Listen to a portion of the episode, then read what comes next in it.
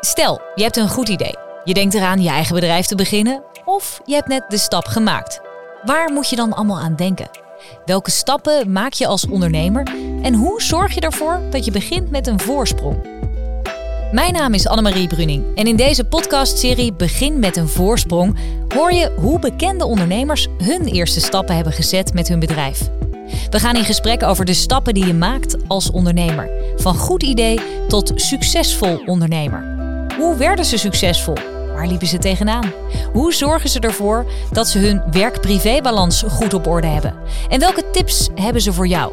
Nou, dit keer zit bij mij aan de overkant achter de microfoon Wouter Staal van YB. Wouter, welkom. Dankjewel. Leuk hier te zijn. Ja, het is een, uh, ja, een setting. We hebben net een, een, een KVK Start-event opgenomen. Misschien goed om te weten, denk ik. Hè? Dus je hebt net eigenlijk al een heleboel verteld. Maar wij gaan nu toch eens even duiken in wie de echte Wouter is. We gaan het en vooral. Ja, precies. Ja. En dat YB, wat jij ooit hebt opgericht als yoghurtbarn. Ja. Um, waar, waar kwam dat idee in één keer? Nou, laat ik beginnen om te zeggen dat ik het fijn vind dat je het allebei goed uitspreekt. Want ik hoor yoghurtbarnen op allerlei manieren. Ook lekker plat op zijn Nederlands. En uh, allerlei variaties van Eip tot Dubai tot, tot, nou ja, noem het maar op. Dus dankjewel. Dus je kunt er nog van alles mee met die naam. Maar dan die vraag, ja, waar begon dit ooit, uh, yoghurtbarn en YB? Ja, nou, dat, dat was een vakantieidee. Uh, dus je gaat niet op vakantie om op een idee te komen, maar uh, dat, it happens. En dat was ook bij ons. Ik doe het met mevrouw Esther. En uh, we waren toen uh, in Sevilla, Andalusië, rond, rondreis. Mm. Ik werkte bij Philips, marketingdirecteur, Esther fysiotherapeut. En we hadden het goed voor elkaar. Net een klein dochtertje van zes maanden. En overal uh, naar van die finca's, om een beetje situatie te schetsen. En dan kom je in de steden, kom je frozen yoghurt tegen. En dat ben ik gaan proeven. Nou, misschien had ik dat nooit moeten doen, maar heb ik wel gedaan. En toen was het ineens van, oh ja, hmm, wat is dat eigenlijk, een gezond ijsje? En kunnen we daar wat mee? En, oh, kunnen we daar wat mee ook, meteen? Ja, dat was wel, uh, ja, van, oh, dit is wel bijzonder anders. Dat heb ik in Nederland nog nooit gezien. Logisch, want moet je kijken naar het weer in Nederland gemiddeld genomen. De Italiaan is hoeveel maanden per jaar succesvol? Nou, niet heel veel. Tegenwoordig steeds meer, hè? Daar doen we ook wat aan. Maar ja, dat was geen valide businessmodel. Maar wel van, hé, hey, wij Nederlanders eten de meeste yoghurt ter wereld. Per persoon per jaar doen het allemaal thuis. Hier wordt een andere versie van yoghurt, uh, dus er is variatie mogelijk, uh, wordt wel buitenshuis gebracht. In Amerika heel veel, uh, in warmere gedeeltes. ja, toen is het gaan kriebelen. Dus over die combinatie nadenkend dacht jij, dit wordt een groot succes. Ja. En nou, dat dacht je meteen? Ja, het was echt van, jeetje, waarom heeft niemand dit eerder gedaan? Heeft niemand dit eerder gedaan? Nee, niemand heeft het eerder gedaan. En dan uh, onderweg met de trein. Ik woon in Utrecht. Uh, s ochtends om 7 uur de trein uh, naar, naar Eindhoven, naar mijn werk. Langs de Albert Heijn To Go en de kiosk. En kijken wat voor yoghurtjes zijn daar. Nou, dat was echt, dat schap van nu was toen echt 1% of zo. Dus wij dachten, oké, okay, buitenshuis eten van yoghurt is, ge is gewoon nog niet. Maar dus heb je meer van dat, dat soort ideeën gehad of vakanties? Uh, ja, ik heb wel wat andere ideeën ook. Niet per se van vakanties, maar wel uh, echt businessmodel opgezet. En uh, gek kort voorbeeld was, ik zat in het tv-business ook bij Philips. Die verkochten aan hotels. En toen dachten wij van ja, die tv-frames toen de tijd, die waren heel lelijk zwart altijd. Ja. Wij hadden toen de tijd een witte Samsung tv. Ik werkte bij Philips, hè. dat kon echt niet. Collega's mochten niet bij mij thuiskomen. Nee, dat, nee, dat mochten niet weten. Nee, um, maar toen dachten wij, die lelijke frames, uh, daar, als we daar nou interieurachtige stijlvormen van uh, de, goud, de, noem maar wat, uh, dan hebben we een model. En dan gaan samenwerken met al die tv. En, uh, maar toen werd die, die bezel, die, die, dat frame werd steeds dunner en die is er niet meer. Dus toen dachten we, hmm, oké, okay, laat maar. Kortom, ja, er zijn heel veel ideeën geweest. Ja, ook maar, heel veel onsuccesvolle ideeën. Ja, sommige onsuccesvol en sommige dus heel succesvol. Want YB ben je begonnen in 2011. Toch? Ja, toen, is het, toen waren we op vakantie en toen uh, hebben we inderdaad dat idee geopperd. Mm -hmm. En uh, zijn wij eigenlijk, meestal kom je thuis van vakantie en dan heb je een idee, wat dan ook. In de sleur van de dag, je werk, uh, je kind, je sociale leven.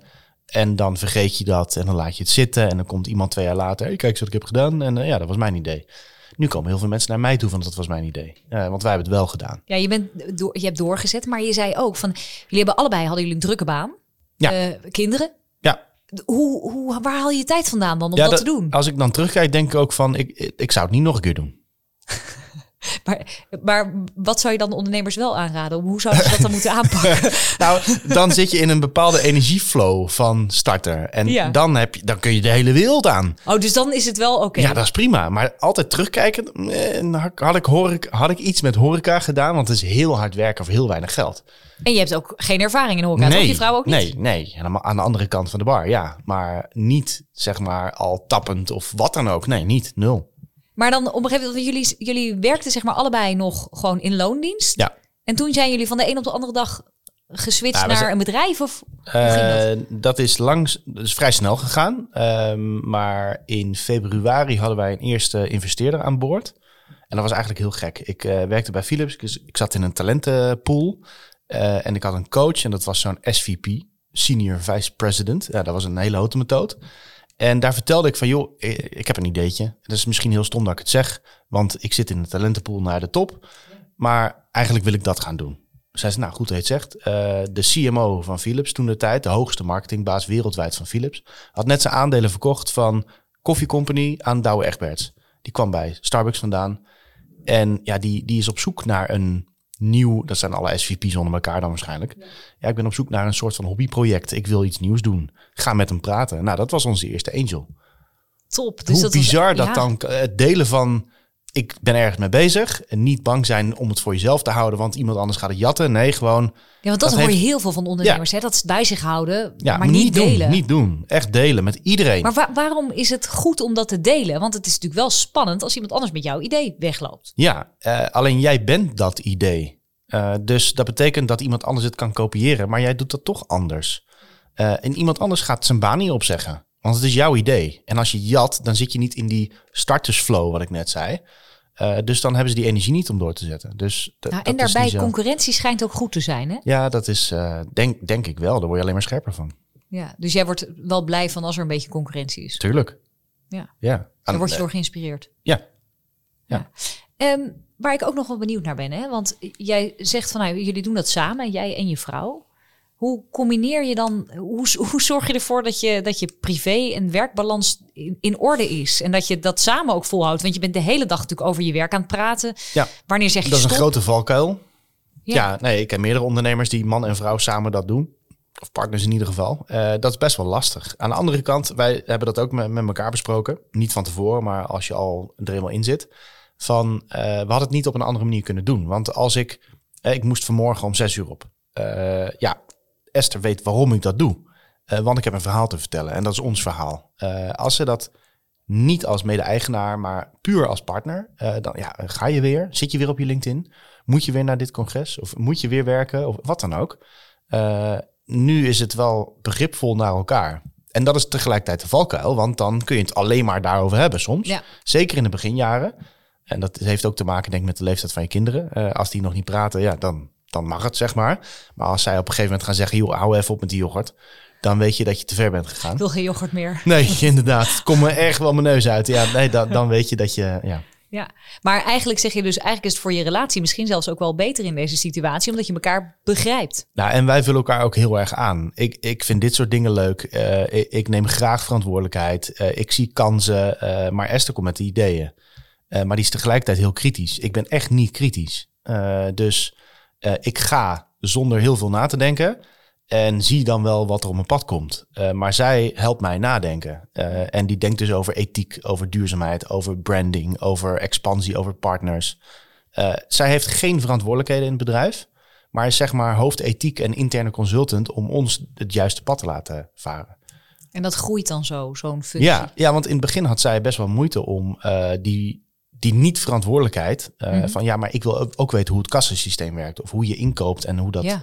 Je wilt het ook allemaal weten, want ja. we doen dit samen. Alleen dat was heel erg geforceerd. Eh, en uiteindelijk eh, hoeft dat ook helemaal niet. Je hoeft niet allebei hetzelfde te doen. Juist niet. Maar dat heeft wel jaren geduurd voordat die rust kwam van... Ja, ik ben om kwart over drie op schoolplein. Hè, prima. Eh, Esther dan. En ik, als ik kan, ook idealiter. Ik kook elke avond nog eh, gewoon thuis. Want ik ben thuis. Dat kan ik zelf inplannen. Ehm, maar ja, dat, daar moet je rust bij vinden van wat is wiens rol en hoe vul je elkaar aan. En dat moet je ook wel aanspreken met elkaar. We, we hebben eigenlijk elke woensdagochtend hebben we strategieochtend met elkaar. Strategieochtend bij Ja. het ontbijt.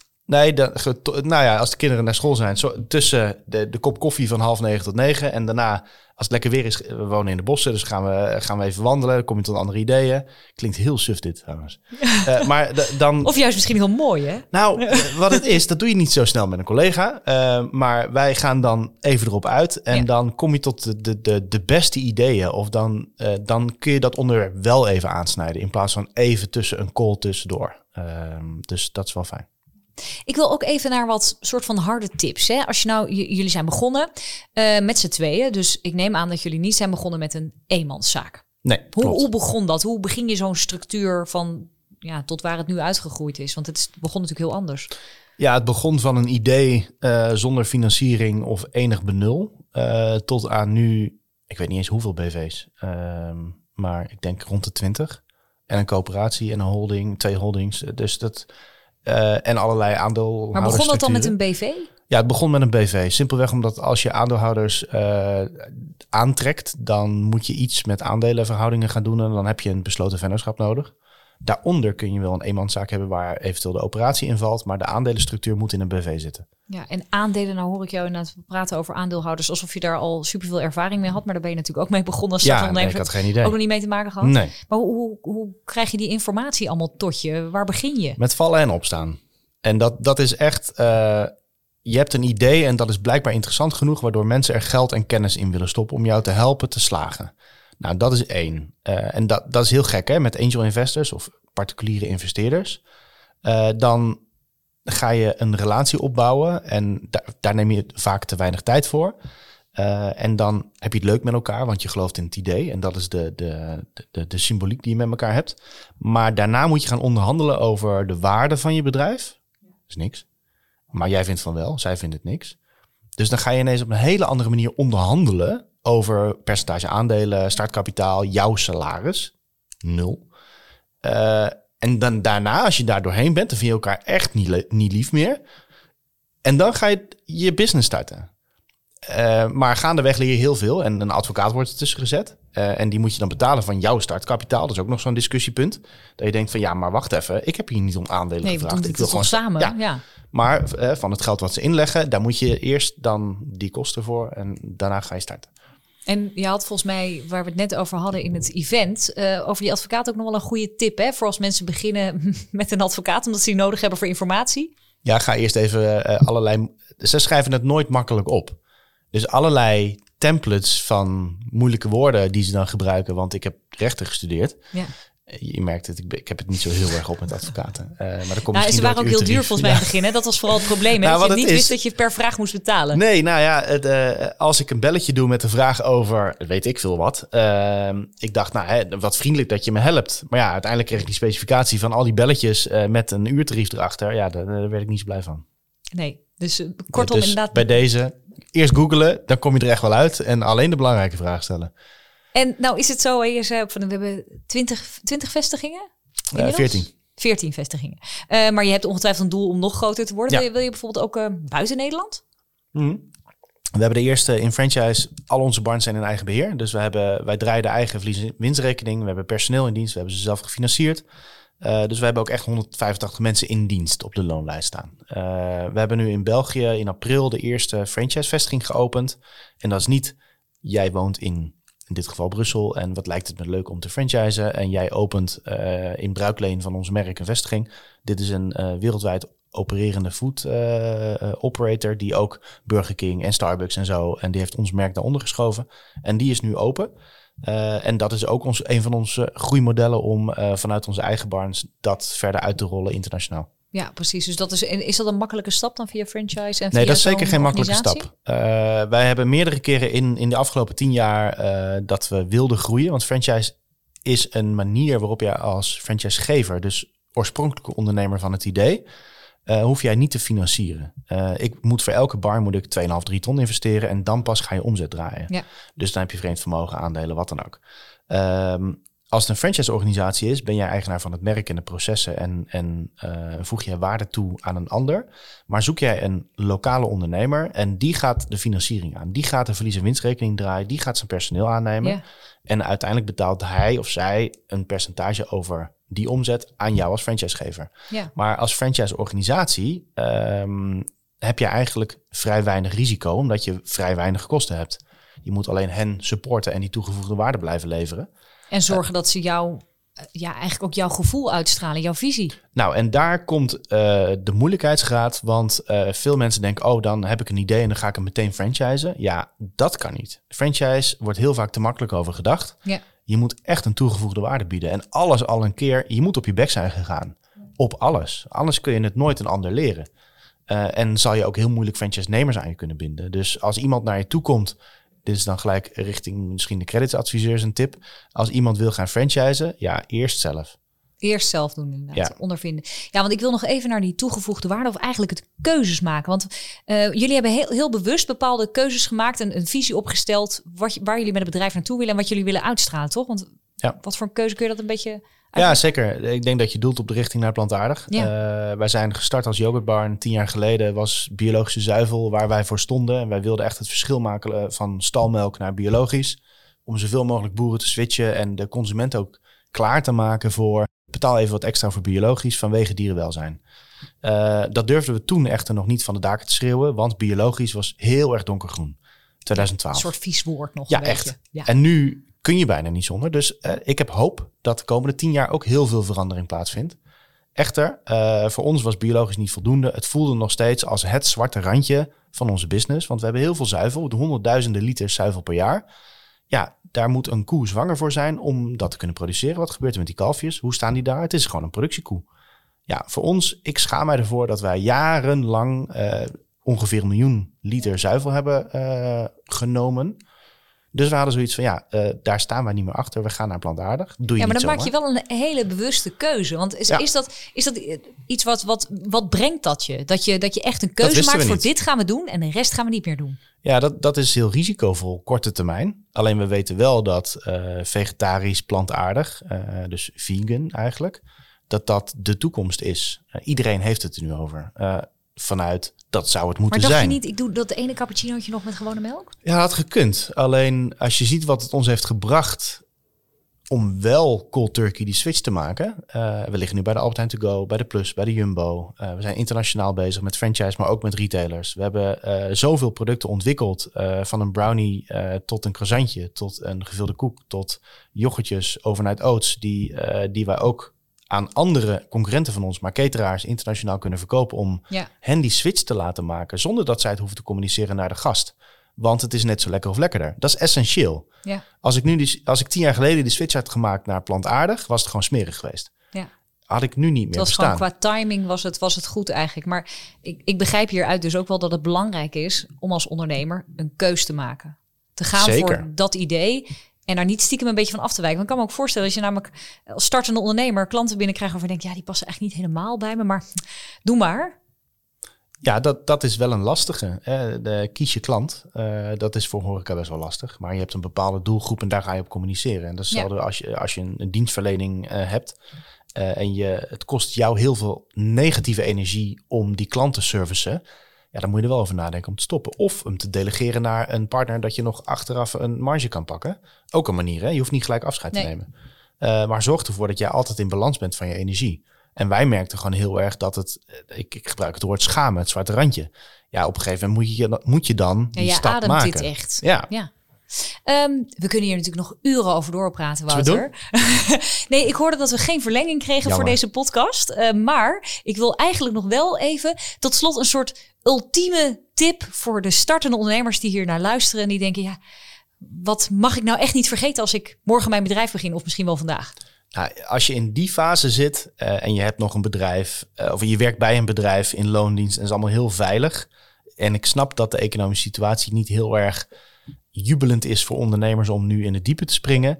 Ik zou wel zeggen, als jij het gevoel hebt dat dit jou eh, een goed gevoel geeft en dat je iets mee kan, ga alsjeblieft het onderzoeken. Laat het niet liggen dat je uiteindelijk twee jaar later iemand tegenkomt die het wel heeft gedaan en dat je jezelf voor je kop slaat. Dus eh, gebruik die energie van het startende vermogen en ga in ieder geval het proberen te doen. Ja, ga het proberen. Ja. Nou, ik hoor al dat de volgende klant jou op dit moment aan het bellen is. Dus uh, Wouter, dankjewel van YB. En heel veel succes ook uh, ja, met, met al die ideeën die je nog hebt. En misschien wel als je je bedrijf over een paar jaar gaat verkopen. Ja, met de volgende ideeën. Ja, wie weet. Leuk dat je luistert naar deze podcast. KVK krijgt veel vragen over starten. Op 16 februari is er vanaf 8 uur s avonds een nieuw KVK start-event. Wil je nou meer weten over de KVK start-events? Ga dan naar kvk.nl/slash startevents. Voor nu bedankt voor het luisteren.